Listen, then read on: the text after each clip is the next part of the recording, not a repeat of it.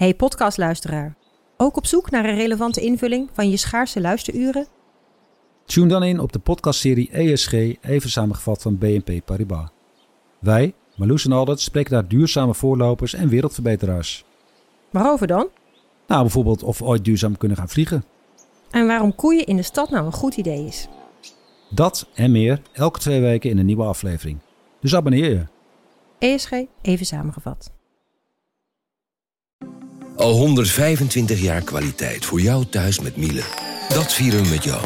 Ontvang nu tijdelijk een cashback tot 125 euro op veel Miele-apparatuur. Geniet van de kwaliteit van Miele. Voor perfect verzorgd wasgoed en kleding die veel langer mooi blijft. Voor een stralend schone vaat, even perfect als jouw diners. En een stofvrij thuis waarin echt hygiënisch schoon de standaard is. Check miele.nl voor alle feestelijke aanbiedingen.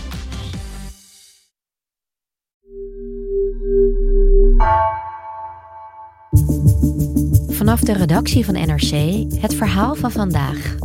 Mijn naam is Gabriella Ader.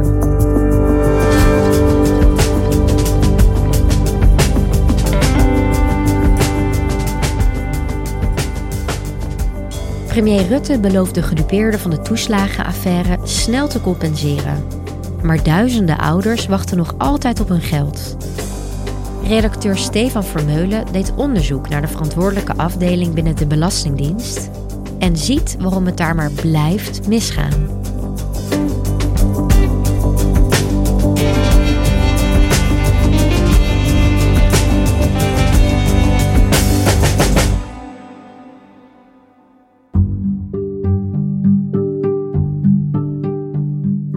Gedupeerde ouders in het toeslagenschandaal te compenseren, is in 2020 een speciale overheidsorganisatie opgericht, de UHT, de Uitvoeringsorganisatie Herstel Toeslagen. Het was de bedoeling dat deze organisatie snel alle ouders zou gaan helpen en een schadevergoeding zou geven, zodat zij uit de ellende zijn waarin ze de afgelopen jaren zijn eh, beland.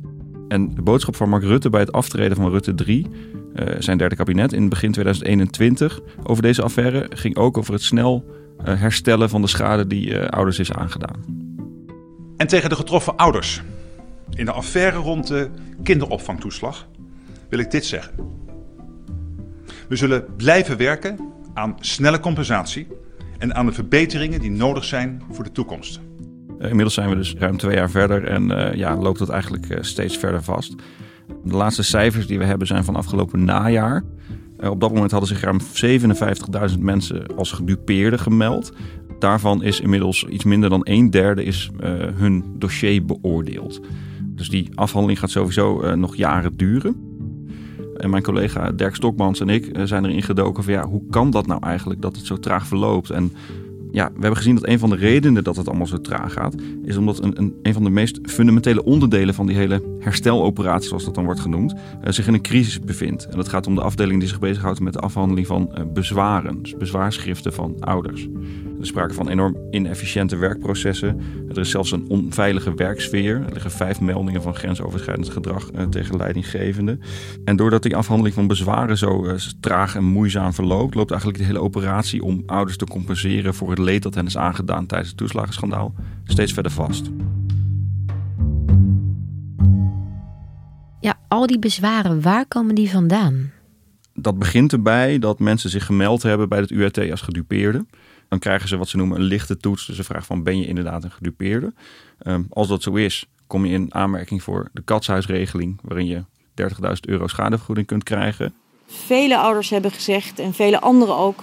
kan het nou niet sneller? Maar om die reden hebben we ervoor gekozen om iedere ouder in de komende vier maanden 30.000 euro te geven als compensatie voor het leed. Denk je dat je recht hebt op meer, dan kun je doorgaan naar een integrale beoordeling, zoals we dat heten. Dus dan gaat inderdaad deze overheidsinstantie volledig kijken naar jouw dossier, naar de jaren waarin je toeslagen hebt gekregen, of je daar gekort bent, of je daar onterecht gekort bent. En dan komen ze tot een hoger bedrag als het goed is, naar verwachting dan die 30.000 euro. En dan is er nog een derde commissie werkelijke schade. Die kijkt ook nog naar immateriële schade. Dus er zitten allerlei ja, stapjes in dit herstelproces of dat compensatieproces. En in al die stappen kunnen ouders bezwaar maken. En dat doen ze ook vrij massaal. Van de meer dan 17.000 ouders, waarbij nu al een besluit voor compensatie is gemaakt, hebben er, hadden er eind september bijna 3200 bezwaar gemaakt. Dat is echt veel. Waarom dienen zij allemaal massaal zo'n bezwaar in? Nou, we hebben met verschillende advocaten van uh, deze ouders gesproken. Ik ben Suzanne Arakelian, advocaat bij AKL Advocaten. En momenteel behandel ik ruim 200 toeslagenaffaire dossiers. En zij zeggen van ja, je moet eigenlijk bijna per definitie in elk dossier moet je op enig moment bezwaar maken. Want met name die integrale beoordeling, waarin dus gedetailleerd is vastgesteld van jij hebt bij wijze van spreken recht op, laten we zeggen, 45.000 euro. Daarin krijg je van die overheidsinstantie UHT geen onderbouwing te zien. Dus er zijn geen stukken te zien waaruit blijkt dat je recht hebt op dat bedrag. Die informatie die krijgen wij maar heel sumier te zien in, uh, in een tijdlijn. Verder eigenlijk niet. Moet je maar op vertrouwen dat dat allemaal klopt en dat hij alles goed heeft bekeken. En uh, nou ja, niets daarin is transparant. Je kan dat allemaal niet controleren. Dus wat moet je doen als je goede rechtsbijstand wilt verlenen? Dan moet je daar bezwaar tegen maken. En in het kader van bezwaar alle onderliggende stukken opvragen die aan het besluit in grondslag lagen om te beoordelen of dat wat zij hebben gedaan, of dat wel klopt. En of dat er punten zijn waar je toch anders over kunt, uh, kunt denken. En dat graag aan een bezwaarsadviescommissie zou willen voorleggen. Dus we worden eigenlijk verplicht om die procedures te voeren, waardoor het bijna een standaard proces is om in alle dossiers die, uh, die we behandelen bezwaar te maken tegen de beschikkingen. Dus die advocaten zeggen, ja, het is niet eens zozeer dat wij per definitie menen dat ze recht hebben op meer geld, onze cliënten. Maar we willen gewoon weten of het bedrag klopt. Dus we willen die stukken zien. En om die stukken te krijgen, moet je dus bezwaar maken. Dus omdat mensen geen toegang krijgen tot die informatie, komen ze met bezwaarprocedures bij die dienst terecht. En ja, hoe lang duurt dat dan? Nou, de nationale ombudsman, uh, René van Zutphen, die kwam vorig jaar zomer al met een uh, rapport uh, waarin hij waarschuwde dat het voor sommige ouders wel drie jaar kan duren voordat zo'n bezwaarprocedure is afgerond. Ja, wij hebben de cijfers er even bij gepakt en dan zie je dat er in de laatste drie maanden, waarover cijfers bekend zijn, in totaal 72 dossiers zijn afgerond. Nou, er werken ongeveer 80 mensen die bezwaren afhandelen daar. Dus dat is ongemiddeld één dossier per drie maanden. En dan zijn er uh, 57.000 gedupeerden. Nou, en dan liggen er nu sowieso al 3200 uh, bezwaarprocedures. Daar komen er 235 per maand uh, bij. En dat gaan er nog waarschijnlijk op zijn minst enkele duizenden worden. Dus ja, reken maar uit. Dan ga je echt in vele jaren denken. En dat ja, een beetje op een bierveeltje rekenen, kom je erop uit dat het dreigt tot na 2030 te duren.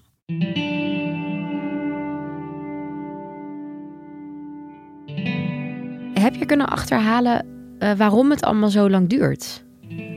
Nou, het kabinet zegt uh, in de openbare uh, brieven die tot nu toe verstuurd zijn dat het voornamelijk capaciteitstekort is. En dat is dan een beetje ambtelijk woord voor te weinig mensen die kunnen meehelpen om dit op te lossen.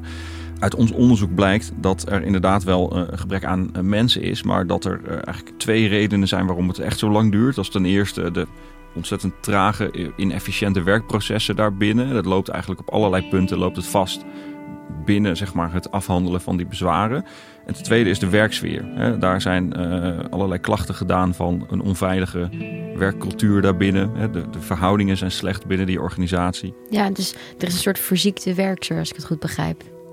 Dat is wat wij uh, begrepen hebben, inderdaad. Je moet het zo voor je zien. Uh, deze bezwaarafdeling die, uh, zit in Utrecht. een groot kantoor uh, zit daar. Er zitten 80 mensen die dus bezwaren afhandelen. Zijn onderverdeeld in teams van ongeveer 10 mensen. Die dus allemaal leidinggevende hebben. En er zit dan weer leiding boven. Um, en ja, daar zitten dus die verhoudingen eigenlijk helemaal niet goed in een deel van die, die teams. Daarvan wordt ons uitgelegd ja, de leiding kan eigenlijk heel slecht omgaan met eh, kritiek of als wij suggesties hebben om eh, dingen te verbeteren. En nou ja, er gaat natuurlijk heel veel mis, dat hebben we vastgesteld. Ja, dat levert ruzie op.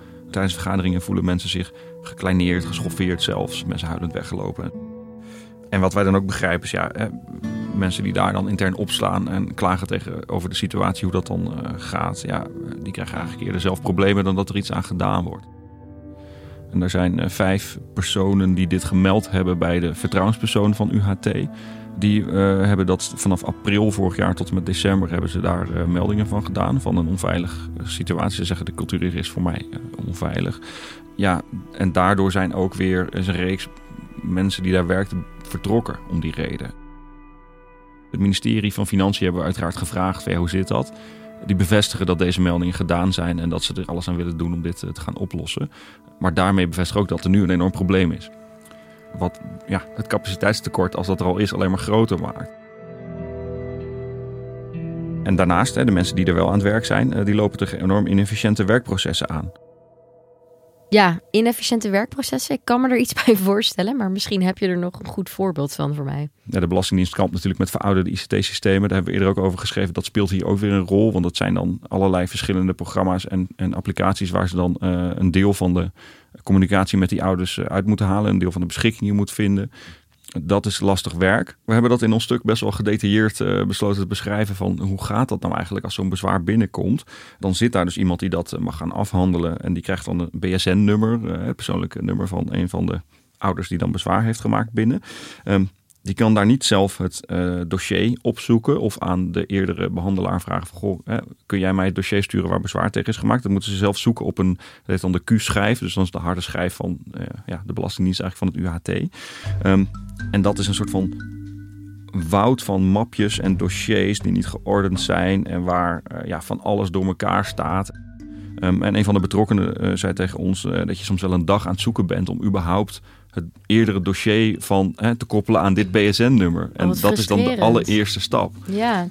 Dus ja, hè, daaraan zie je al wel ja, dat het gewoon vanaf het begin eigenlijk inefficiënt gaat. Vervolgens, als zo'n dossier verzameld is, dan moet er dus nog van alles gelakt worden, wat heel veel tijd kost. Dat moet dan ook gebeuren. Uh, alle namen moeten dan weggelakt worden uit uh, al die stukken en zo. En er zit iets in dat ook dossier dat iemand verzameld heeft, dat moet weer door een andere ambtenaar gecheckt worden. Dat is het vier ogen principe zoals dat heet. Dus er moet iemand anders meekijken. Maar elke tien mensen die bezwaar die hebben maar één persoon die dat dan kan checken. Dus daar loopt het ook weer helemaal vast. Er zitten allemaal bottlenecks in het hele proces. Betrokkenen omschrijven dat ook als best wel onprofessioneel hoe het allemaal daaraan toe gaat. Dit klinkt super omslachtig. En nou goed, ik kan me voorstellen dat mijn desktop er niet altijd even duidelijk uitziet. Maar bij een dienst die is opgericht om snel mensen te compenseren. Ja, hoe kan dit daar gebeuren? Ja, dat heeft ermee te maken dat er zo'n ontzettende hoeveelheid mensen zich hier heeft aangemeld. Toen deze hele toeslagenaffaire, dit schandaal naar boven kwam, waren er aanvankelijk iets van 10.000 mensen die zich hadden gemeld. Toen is eind 2020 de zogenoemde katshuisregeling in werking getreden. En dat was juist bedoeld om de boel te versnellen. Dat heeft het kabinet gezegd. Iedereen die gedupeerd is, krijgt meteen 30.000 euro. De grote meerderheid van de mensen is daarmee geholpen. Dat heeft een enorme aanzuigende werking gehad. Dus inmiddels zijn er bijna 60.000 mensen die zich gemeld hebben, van wie de helft ja, volgens de overheid niet gedupeerd is. Dus dat moet alweer, Oh hè, dat levert al werk op. Um, de mensen die wel gedupeerd zijn, uh, daar moet ook weer naar gekeken worden. Dus die operatie, dat UHT, dat is überhaupt al veel groter geworden dan men in eerste instantie had gedacht. Vervolgens is dat dus, ja, hè, is het niet gelukt om daar een soepel lopende professionele organisatie van te maken. En nu zie je dus met die bezwaren dat die stapel oploopt en ja, de hele operatie aan het vastlopen is eigenlijk. Ja. En dat is ook best wel ironisch, hè? want het was natuurlijk bedoeld om het te laten versnellen. En juist dat heeft geleid tot enorme vertraging en hobbels op de weg en nou ja, de hele situatie waar we nu in zitten. Want wat er vervolgens ook gebeurt, is dat uh, deze organisatie UAT overschrijdt de wettelijke termijnen om te reageren. Daarop gaan mensen daar weer in, hè, stellen ze de overheid in gebreken, uh, eisen ze dwangsommen. En dat is inmiddels ook meer dan 9 miljoen euro aan dwangsommen betaald om die reden. En dat is allemaal weer extra werk. Volgens mij was het de bedoeling dat we het juist allemaal niet zo erg zouden verjuridiseren. In het kader van herstel waar we nu in zitten. En dat is nou precies wat ze wel doen. Want je wordt allemaal bezwaarprocedures ingesleurd. En die moet je dan weer verplicht helemaal doorlopen. Uh, daar moet je ook weer procedures in starten. Omdat ze dus niet op tijd uh, beslissen. Moet je daar ook weer een ingebreekstelling sturen. Moet je weer een beroep niet tijdig procedure starten. Trek je de rechtspraak erin mee. Die ook genoeg andere dingen te doen hebben het is een soort van vicieuze cirkel van uh, werk dat deze organisatie eigenlijk niet aan kan. Het stapelt zich op. Dus dat loopt helemaal in de soep op dit moment. Dus ze doen gewoon steeds geheimzinnig bij de Belastingdienst. Waardoor gewoon niet alles transparant is. En uh, waardoor ouders ook dat gevoel krijgen dat, dat ze maar door moeten gaan. En, en dat snap ik eigenlijk ook weer wel. Ja, het is. Mist gewoon duidelijkheid en communicatie. Dus de communicatie gaat niet goed. Gedupeerden moeten super lang wachten, soms wel jaren, totdat ze antwoord krijgen op iets of op een bezwaar dat ze hebben ingediend. Ze kunnen hun eigen dossiers niet inzien. Ja, mij kruipt toch wel een beetje dat déjà vu gevoel hoe überhaupt die toeslagenaffaire is begonnen. Ja, dat maakt het ook zo pijnlijk natuurlijk. Hè. Dit zijn mensen van wie is vastgesteld, hè, die is ongekend onrecht aangedaan. Dat onrecht bestond er deels uit dat zij in de, de molens van de overheid eh, vermalen zijn. Dat zij hun toeslagen werden ten onrechte stopgezet. Ze kwamen in persoonlijke ellende terecht, kwamen in een strijd met de overheid terecht. Omdat ze dus bezwaar maakten tegen het feit dat de overheid eh, verkeerde besluiten nam. Nu is gezegd van deze mensen moeten geholpen worden. Het moet snel geregeld worden. Wat gebeurt er? Ja, ze komen opnieuw in zo'n situatie dat ze jaren op besluiten moeten wachten. Dat ze daar weer tegen bezwaar moeten maken. Dat ze de stukken willen zien. En dat er dingen gelakt worden. Dus het is pijnlijk dat het niet lukt om dat op een andere manier en sneller te regelen. Ja, en het vertrouwen dat Rutte twee jaar geleden probeerde in te boezemen, wordt zo een beetje teniet gedaan natuurlijk. Nou goed, het is nu bekend dat het zo lang duurt. Hè? Dat hebben jullie nu, uh, jullie hebben ook achterhaald waarom.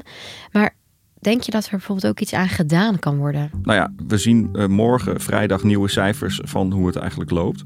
De verwachting is niet dat dit allemaal is opgelost. Nee. Dus het is interessant eh, hoe uh, daar uh, premier Rutte op zal reageren. Wat we wel weten is dat twee weken geleden de Vereniging van Nederlandse Gemeenten, die ook hierbij betrokken is, heeft gewaarschuwd dat deze hele affaire wel tot zeg maar de hersteloperatie tot 2030 kan duren.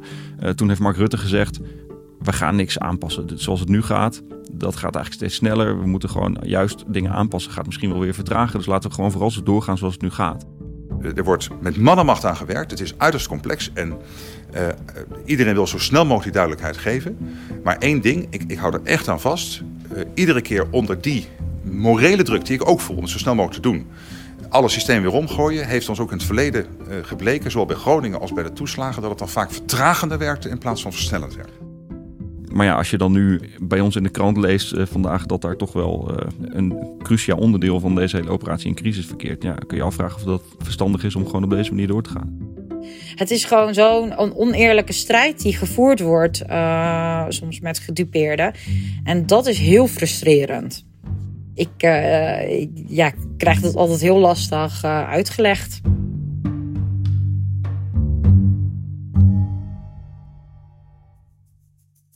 Dankjewel, Stefan. Graag gedaan.